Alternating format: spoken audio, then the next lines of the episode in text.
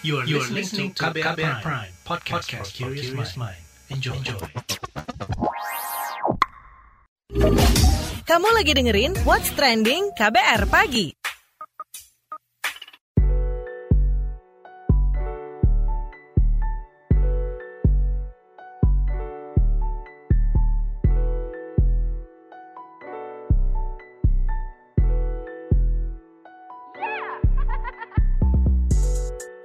KBR Pagi, siaran pagi radio paling update. Selamat pagi, apa kabar Anda hari ini di hari Senin 22 November 2021?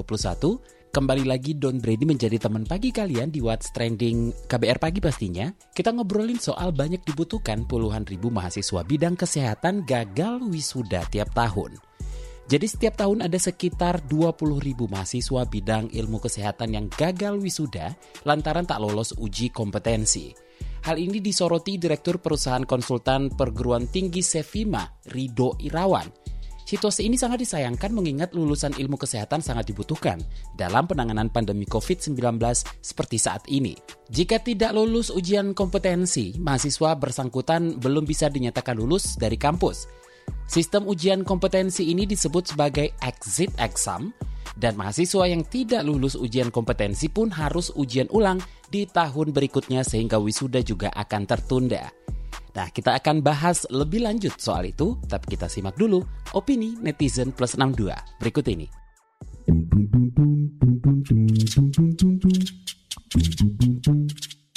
Pertama ke akun Ed Marshallanipi Dokter, istirahat yang cukup begadang itu nggak baik buat kesehatan. Nah, kalau mahasiswa fakultas kesehatan begadang buat laporan sama tugas-tugas. Biar lulus, insya Allah jadi dokter. Kalau ke akun Ed LZ underscore 2112 Tak lulus UKOM, mahasiswa kesehatan tidak bisa wisuda. Nah, akun Ed Fikuk Mons Puyeng-puyeng dah demi ngejar ujian kompetensi Mana belajar 5 menit menit scroll Twitter satu jam lagi ke akun @kentang 2 inctx Wish 2022 lulus ujian kompetensi, wisuda dengan hasil yang baik, dapat kerjaan, nonton konser NCT 127, bismillah yuk, bisa yuk. Terakhir akun Reza SPN Ya mati memang resiko pekerjaan terutama dari tenaga medis. Tapi coba dipikir lagi deh Sekolah tenaga medis rata-rata lama. Sedangkan profesi ini termasuk di antara profesi yang lagi dibutuhkan zaman sekarang. Jadi sewaktu-waktu bakal jadi ketimpangan SDM di pelayanan kesehatan. What's Trending KBR Pagi Balik lagi di What's Trending KBR Pagi, kita lanjutkan obrolan kita pagi ini. Direktur Perusahaan Konsultasi Perguruan Tinggi Sevima, Rido Irawan membedah apa saja tantangan-tantangan ujian kompetensi yang dihadapi mahasiswa ilmu kesehatan.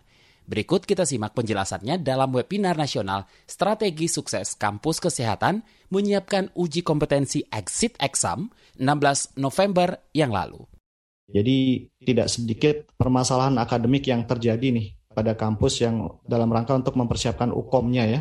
Di antaranya itu yang sering hangat dibicarakan itu misalkan ketika awal mendaftarkan mahasiswa untuk ukom.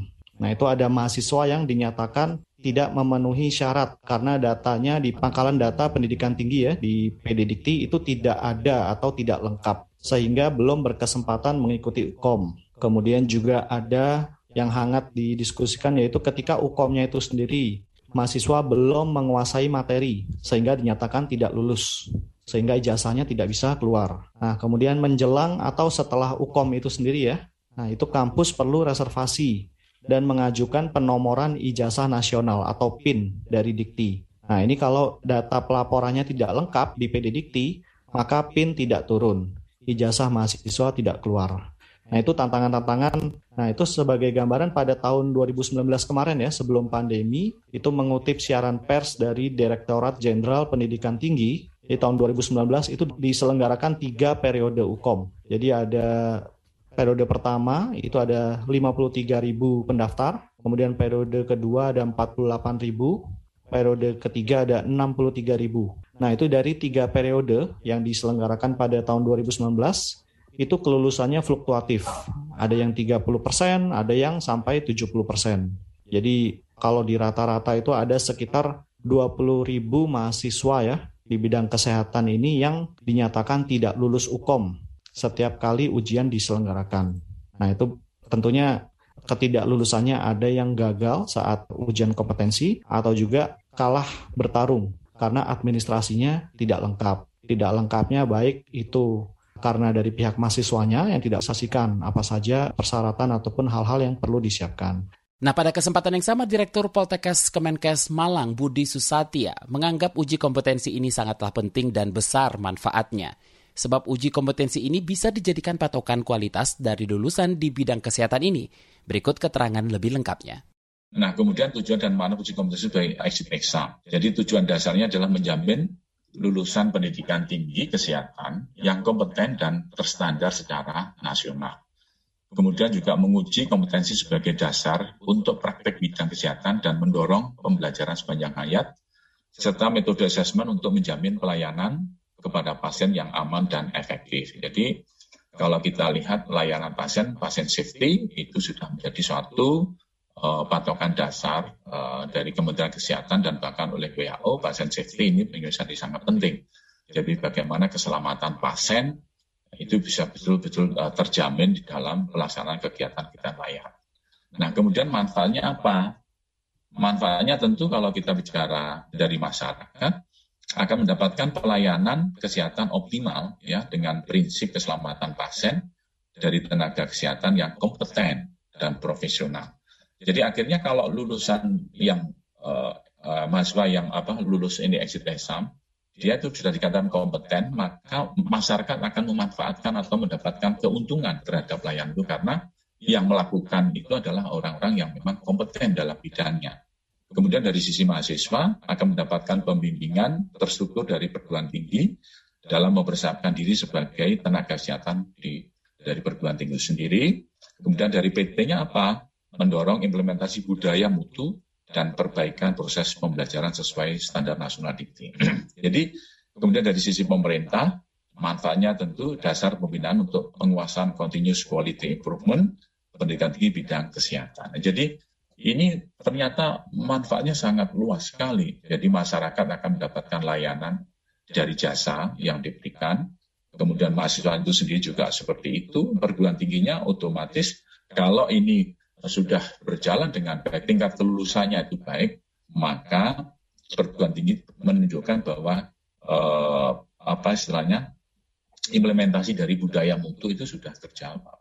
Jadi eh, sekarang kalau misalnya lulusan UKOM misalnya hanya 30 persen, itu sebenarnya juga gambaran secara tidak langsung, mohon maaf, gambaran secara tidak langsung bahwa budaya mutu di suatu perguruan tinggi juga kurang bagus. Nah ini ini barangkali juga uh, menjadi suatu tantangan bagi kita semua. What's trending KBR pagi? Newsbeat.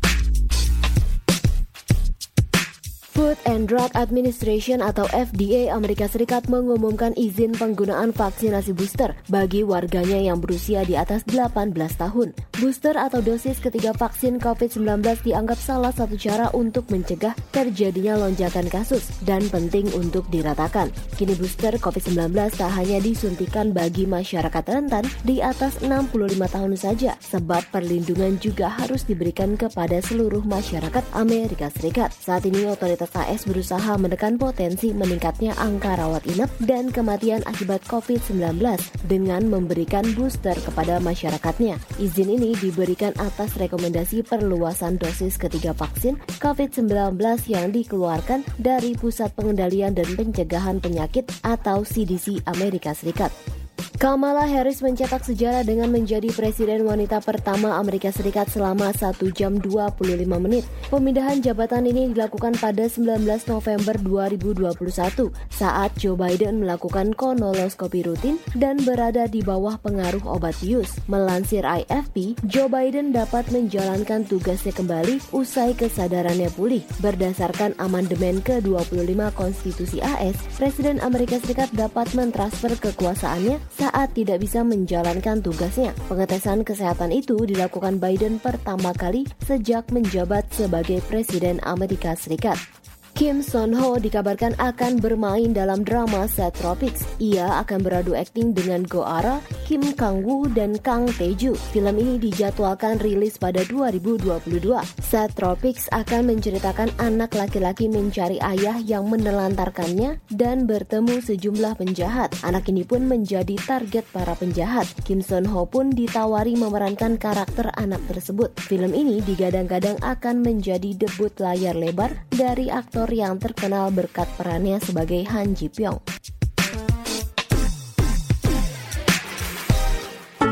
What's trending KBR pagi? Masih di What's Trending KBR Pagi bersama saya Don Brady, banyak dibutuhkan puluhan ribu mahasiswa bidang kesehatan gagal wisuda tiap tahun. Nah sementara itu menurut Koordinator Nasional Jaringan Pemantau Pendidikan Indonesia, Ubaid Matraji, Indonesia mampu menghasilkan sumber daya manusia bidang kesehatan yang mumpuni jika riset dan penemuan-penemuannya mendapat dukungan besar. Lebih lanjut kita obrolkan bareng Koordinator Nasional Jaringan Pemantau Pendidikan Indonesia, Ubaid Matraji. Pak Ubaid, sebanyak 20 ribuan mahasiswa ilmu kesehatan gagal wisuda tiap tahun. Bagaimana Anda memandang fenomena ini? Ya, kompetensi itu kan menjadi syarat utama ya.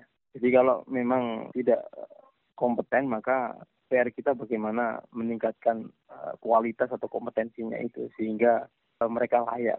Apa yang salah di sini sampai banyak yang gak lulus? Ya mempersiapkan itu ya. Jadi misalnya ini sangat terkait erat dalam situasi pandemi ini. Kemarin itu kan sekolah itu semacam autopilot gitu ya.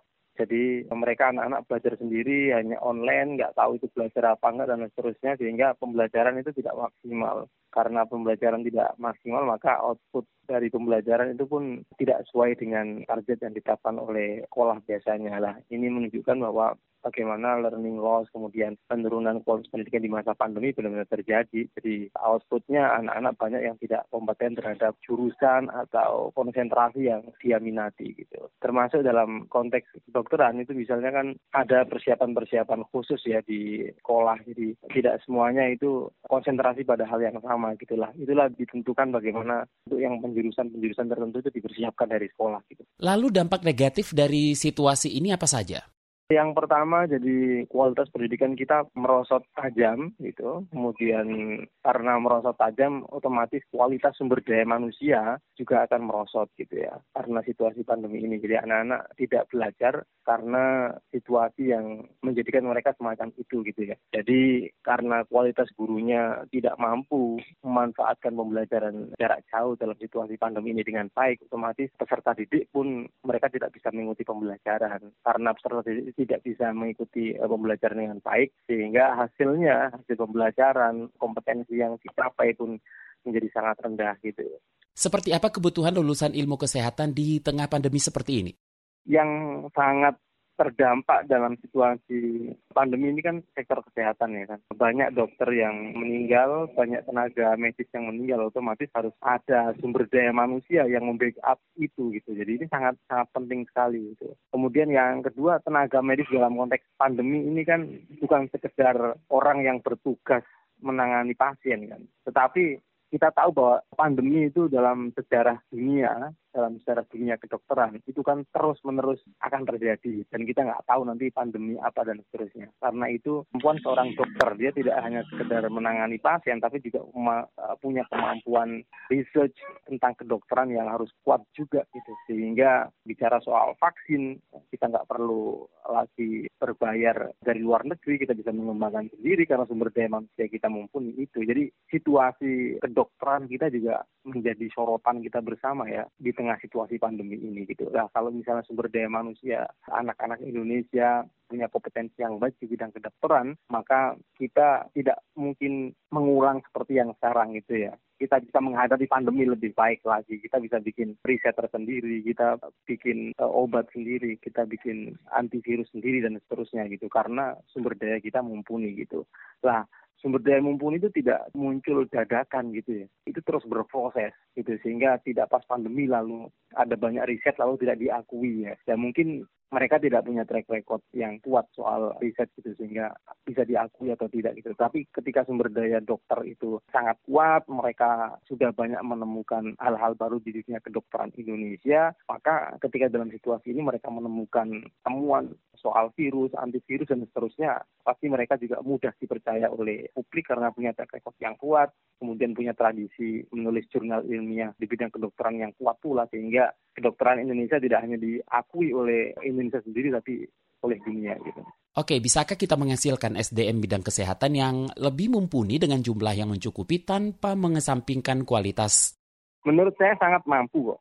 Menurut saya sangat mampu, tinggal bagaimana pemerintah mendorong ya bagaimana supaya perguruan tinggi perguruan tinggi yang menghasilkan dokter tempat di mana dokter banyak belajar di situ disupport soal risetnya kemampuan untuk menganalisa dan seterusnya. Itu pasti bisa. Apalagi zaman sekarang dunia sangat mudah untuk diakses sehingga tidak ada gap ya. Kita bisa belajar ke luar negeri kita juga bisa mendatangkan orang luar negeri untuk riset bersama dengan Indonesia dan seterusnya Nah itu harus ada kebijakan ya, uh, kebijakan dari pemerintah bagaimana mendorong kampus-kampus fakultas kedokteran itu ke arah situ gitu. Jadi bukan sekedar belajar untuk menjadi dokter, lalu koas, lalu mereka dapat izin praktek, bukan seperti itu. Tetapi bagaimana didorong supaya tradisi risetnya itu kuat. Bagaimana didorong untuk menemukan penemuan-penemuan baru lalu dipublikasikan di jurnal-jurnal internasional. Bagaimana Indonesia menjadi lead ilmu-ilmu kedokteran dari internasional seminar soal ilmu-ilmu kedokteran dan seterusnya. Nah itu kalau kita bicara soal riset itu kan sangat minim sekali ya. Kami melihat soal itu ya berapa anggaran riset yang disediakan oleh pemerintah untuk mensupport ya, mensupport pengembangan ilmu-ilmu kedokteran itu. Apalagi kita uh, mengarah pada kemampuan riset, kemampuan menemukan hal-hal yang baru di jurnal internasional, mengadakan simposium internasional untuk melit isu-isu kedokteran dan seterusnya gitu. What's trending KBR pagi? Commercial break. Commercial break. Ada kesedihan, air mata, dan trauma. Namun ada juga gelak tawa, bahagia, dan rasa bangga. Cerita kehidupan manusia adalah perjuangan dan pembelajaran. Pertanyaan dibalik itu secara psikologi, apakah dia punya niat membunuh? Kan belum tentu. Saya kaget ketika ada konflik sesama orang Madura sendiri mengatasnamakan aliran keagamaan. Sejak itu, warga Syiah harus mengungsi sampai sekarang. Untuk kehidupan saya pada waktu itu aja nggak menentu kan. Boro-boro mikirin untuk perpustakaan gitu. Saga, cerita tentang nama, peristiwa, dan fakta. Liputan khas KBR ini telah memenangkan berbagai penghargaan nasional dan internasional. Anda sedang mendengarkan program Saga Produksi KBR. Simak di program Buletin Pagi pukul 6 waktu Indonesia Barat, Buletin Sore pukul 16 waktu Indonesia Barat, dan KBR Pagi pukul 7 waktu Indonesia Barat. Dengarkan Saga di radio jaringan KBR di Nusantara atau streaming di kbr.id. Saga juga hadir dalam bentuk podcast di kbrprime.id. KBR Inspiratif Terpercaya. What's Trending KBR Pagi.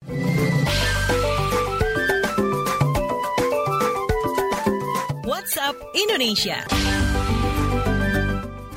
WhatsApp Indonesia dimulai dari Jakarta pemerintah menemukan indikasi sebanyak 31 ribuan aparatur sipil negara ASN terdaftar sebagai penerima bantuan sosial Bansos dari Kementerian Sosial. Menteri Sosial Tri Risma hari ini mengatakan setelah data dicocokkan dengan Badan Kepegawaian Negara, diketahui ada 30 ribuan data berstatus ASN yang aktif menjabat, sisanya merupakan pensiunan penerima Bansos. Pemerintah pusat akan serahkan data itu ke daerah untuk ditindaklanjuti. Mensos Risma menambahkan program bansos yang didapat yaitu Bansos Tunai BST, Bantuan Pangan Non-Tunai BPNT, dan program Keluarga Harapan PKH.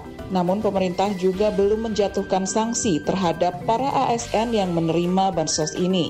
Masih dari Jakarta, kawasan Kota Tua Jakarta menjadi lokasi pameran foto yang digelar KBR Love Bus A Photography Exhibition. Pameran ini menghadirkan 10 serial foto yang bercerita mengenai kelompok queer, minoritas gender, dan seksualitas. Pengunjung bakal diajak mengeksplorasi realitas mereka dalam semangat inklusivitas. Serial foto yang dipamerkan merupakan hasil workshop Tagar Rawat Hak Dasar Kita, sebuah workshop bagi kualitas. Masyarakat pun dipersilakan untuk mengunjungi Love Bus A Photography Exhibition di Histori Tua 20 sampai 24 November 2021 pukul 10 hingga 20 waktu Indonesia Barat. Pameran ini merupakan salah satu Fring Exhibition dari Jakarta International Photo Festival atau JIP Fest. Registrasi dan jadwal kunjungan bisa dilihat di tiket.jipfest.com.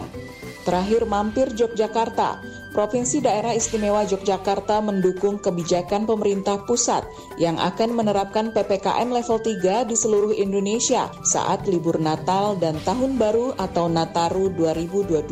Sekretaris Daerah DIY Kadarmanta Baskara Aji mengatakan, diberlakukannya PPKM level 3 Pemprov DIY dapat melakukan pengaturan sesuai kondisi di daerah masing-masing.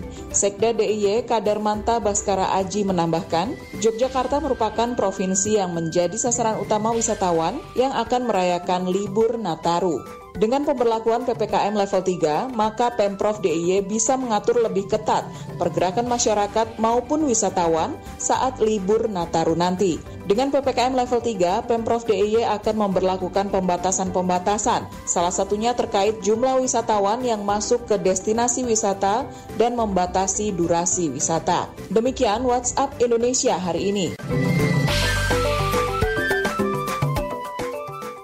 Demikian KBR pagi hari ini. Jika Anda tertinggal siaran ini, Anda kembali bisa menyimaknya di podcast What's Trending yang ada di Spotify, kbrprime.id, dan di aplikasi mendengarkan podcast lainnya. Don't Brady undur diri, besok kita ketemu lagi ya. Stay safe, bye-bye. Terima kasih ya sudah dengerin What's Trending KBR Pagi. KBR Prime, cara asik mendengar berita. KBR Prime, podcast for curious mind.